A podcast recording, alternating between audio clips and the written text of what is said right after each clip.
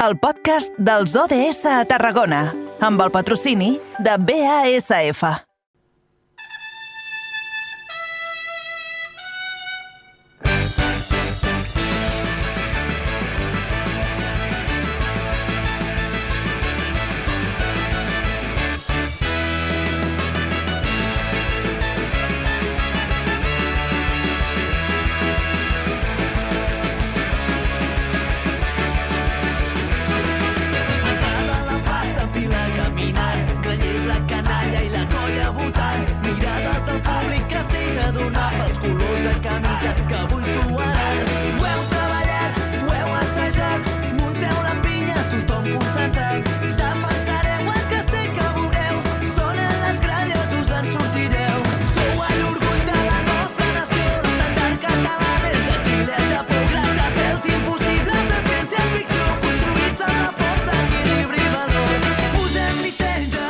Passen 7 minuts del punt de les 6 de la tarda. Seguim en directe en aquest carrer major de les ràdios de la xarxa al Camp de Tarragona. I no saben tots vostès com m'agrada a mi trencar els formats, trencar eh, les eh, formes. Quan habitualment en aquest eh, punt horari escoltem aquella sintonia tan monòtona i que eh, ja ens té les orelles cansades eh, perquè des del mes de setembre que ens acompanya, avui escoltar els Portobello de fons, eh, amb aquest hem nascut castellers, Oh, quin, quin plaer i quin goig, sobretot ara que l'activitat castellera ja es va reprenent i que en moltes places ja hi ha aquest esperit que ha quedat aturat per culpa de la maleïda pandèmia.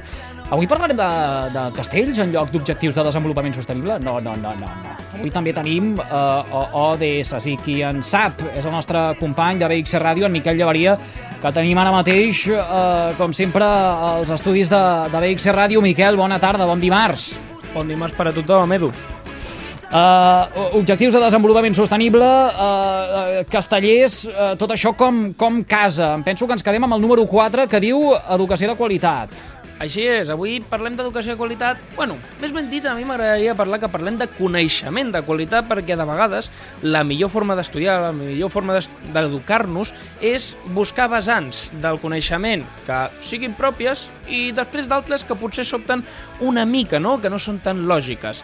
Avui parlarem de Castells de Ciència que busca fer una divulgació científica dels castells i és un projecte impulsat Sí. per la Unitat de Comunicació de la Ciència de la URB, coneguda com com Ciència, i la Càtedra per a l'Estudi dels Castells de la URB, que, doncs, diguem que estudien el fet casteller des de sis àrees del coneixement diferents. En aquest cas ens centrarem potser en la que, com a mínim a mi, me sobta més, que és la química. I per a fer-ho, doncs, primer tenim amb nosaltres a la Marta Calull, investigadora de la URB, que ha participat en aquest estudi. Molt bona tarda. Molt bona tarda. I després també tenim amb nosaltres a Cristina Mayo, que és la representant de la Unitat de Comunicació de la Ciència de la URB. Molt bona tarda per a tu també. Hola, bona tarda, què tal? Per a començar, aquesta idea de castells de ciència, d'estudiar des d'una vessant científica el fet castellà, el món dels castells, com sorgeix? Bé, com tu bé explicaves a l'inici, un dels reptes que tenim a la Unitat de Comunicació de la Ciència de la URB és eh, parla, donar a conèixer eh, la recerca que es fa a la universitat eh, d'una forma planera per tal que pugui arribar a tothom. No? Aquesta educació que tu comentaves és com una educació científica, un coneixement científic que volem transmetre per part dels investigadors i investigadores de la universitat cap a la societat. Ho fem en diferents formats i vam pensar doncs, que els castells era un bon pretext per parlar de diferents disciplines científiques amb aquest denominador comú no? dels castells. Eh, a primera vista potser ens venen al cap una o dues disciplines de les que podem parlar, però realment hem, hem vist a mesura que anàvem tirant endavant el projecte de que de, de, darrere dels castells hi ha molta ciència i se'n pot parlar de molts temes diferents, un d'ells la química, com tu deies. Mm -hmm, al final xoca una miqueta, no? Perquè quan pensem en ciència pensem en biologia i pensem en temàtiques mo molt rares, almenys... Home, l'arquitectura, a mi ara, clar, pa, pa, em, em ve el, el, el, el, els, els castells, no? Dic, aquí ara farem, farem números, eh, però no parlarem no, d'arquitec- d'arquitectura, en aquest cas concret avui, dels castells. No, en aquest cas concret no parlarem d'arquitectura perquè la investigadora que ens acompanya, que és la Marta Calull, el que ha fet és que de les sis vessants que hi han, que són antropologia, història, sociologia, arquitectura i física, la sisena és química, que com a mínim a mi, quan parlem de castells, la resta, més o menys, jo les, jo, jo les relaciono no, amb els castells, però química? Què és la química en els castells?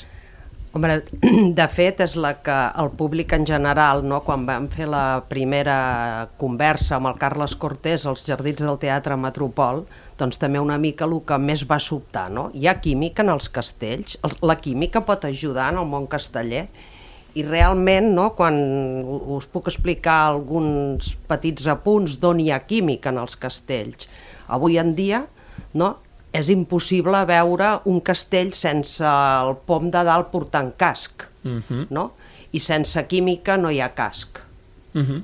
I per què? Doncs perquè el, el casc està fet d'un material químic, que és un polímer, no? que és el porexpan, o el poliestirè expandit, Mhm. eh? que ajuda enormement no? a la seguretat dels castells. És inimaginable avui en dia no pensar que no hi hagués el, el pom de dalt amb el casc. Per tant, aquí ja hi ha química. Mhm, eh, És la, més... La, la, la química, per, per, per tant, uh, Marta, uh, s'incorpora en el fet casteller en el moment en què la coordinadora diu el pom de dalt ha de dur casc, abans no hi havia química? Sí, també hi havia química, no? Perquè, la, a veure, un, un aspecte que sobta molt és que tots sabem que quan es fa un castell la gent de la pinya no pot mirar mai amunt, sempre ha de tenir el cap per avall. I en canvi eh, es nota quan un castell va malament, quan has d'apretar més, quan has d'afluixar, i tot això per què? Doncs perquè en el nostre cervell tenim una sèrie de substàncies químiques no?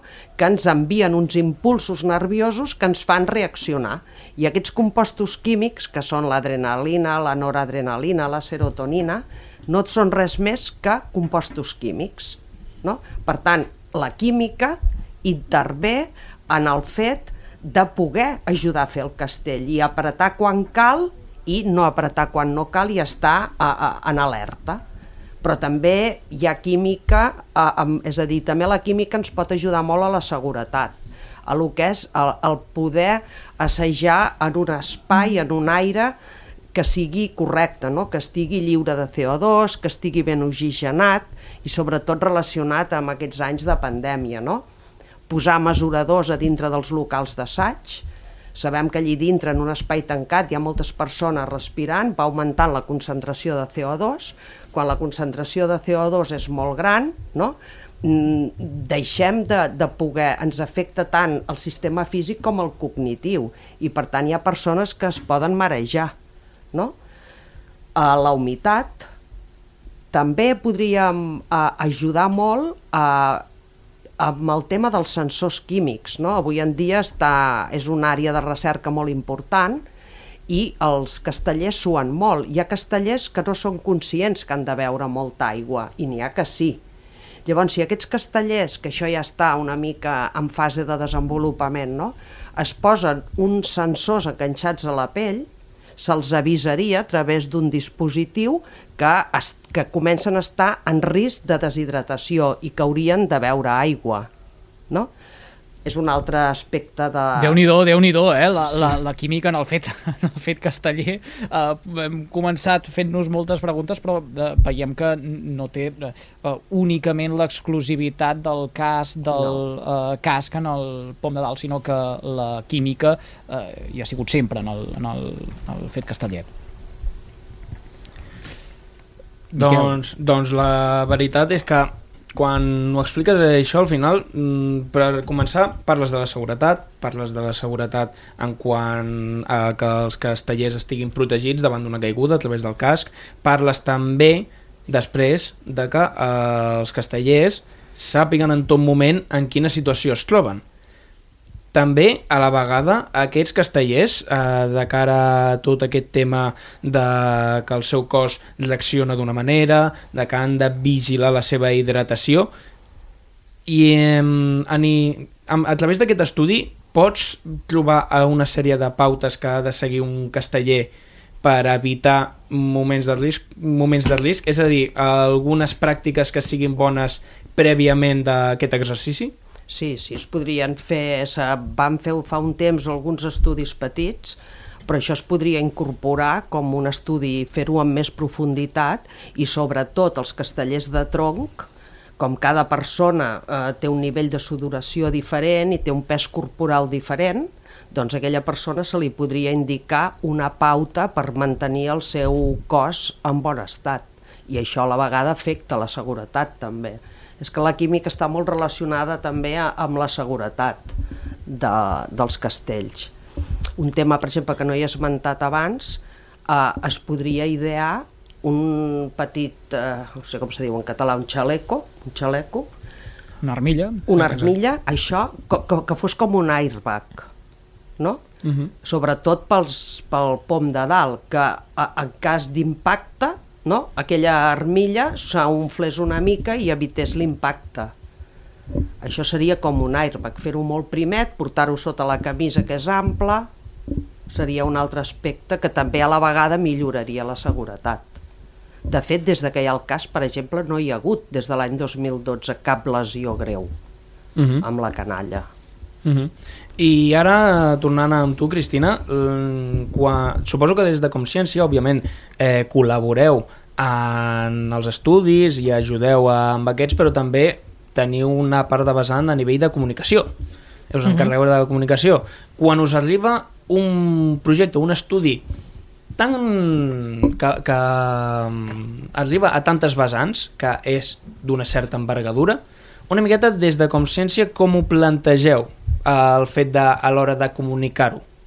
Bueno, en aquest cas, eh, quan, quan vam començar a idear aquest projecte del que parlem avui, vam, primer de tot vam mirar dins de la universitat qui ens podia parlar de cada tema. No? Tenim una universitat en, el, en la que es, es tracten gairebé totes les disciplines científiques, des de lletres fins a les més tècniques, i, i van començar a sortir molts temes. No? En aquest projecte en concret eh, parlem de química, de física, d'arquitectura, d'antropologia, de sociologia, eh, parlem de psicologia, de medicina, per tant, dona per molt, no? Aleshores, primer vam, vam localitzar, vam identificar aquestes persones dins de la universitat que ens podrien parlar del tema i vam començar a pensar en quins formats parlar de tal manera que fos comprensible per tothom, no? I en aquest projecte mm, global el que hem fet ha estat, eh, doncs, per exemple, vídeos amb il·lustracions animades que en un minut de temps expliquen un concepte científic mm, de forma molt amena.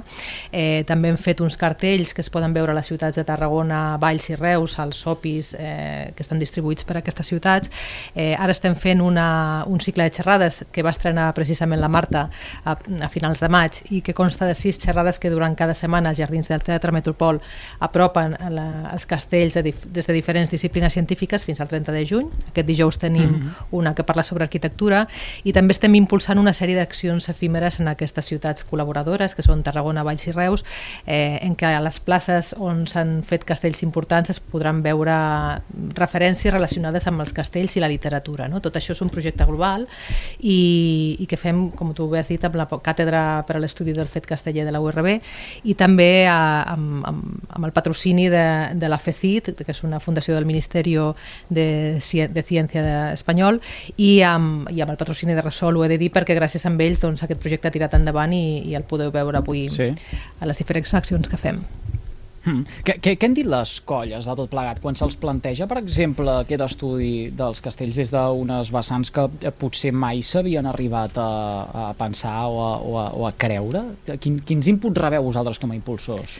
Doncs la veritat és que des del primer moment que vam plantejar aquest projecte, que de fet va ser abans de la pandèmia, el que passa que va quedar paralitzat per tot el tema del Covid, eh, vam rebre molt bon feedback tant de la coordinadora de colles castelleres de Catalunya, amb qui vam contactar en un primer moment per plantejar eh, aquesta iniciativa, com després des de, de, des de les colles, no? tant de les d'aquí com, les de, com les de fora de Tarragona, eh, han tingut molt bona acollida i, i bueno, eh, estan contents que parlem de castells, no? des d'una vessant diferent a la que es fa normalment i de fet a les accions que estem fent estan assistint gent de diferents colles i pensem que la rebuda ha estat molt bona, la veritat.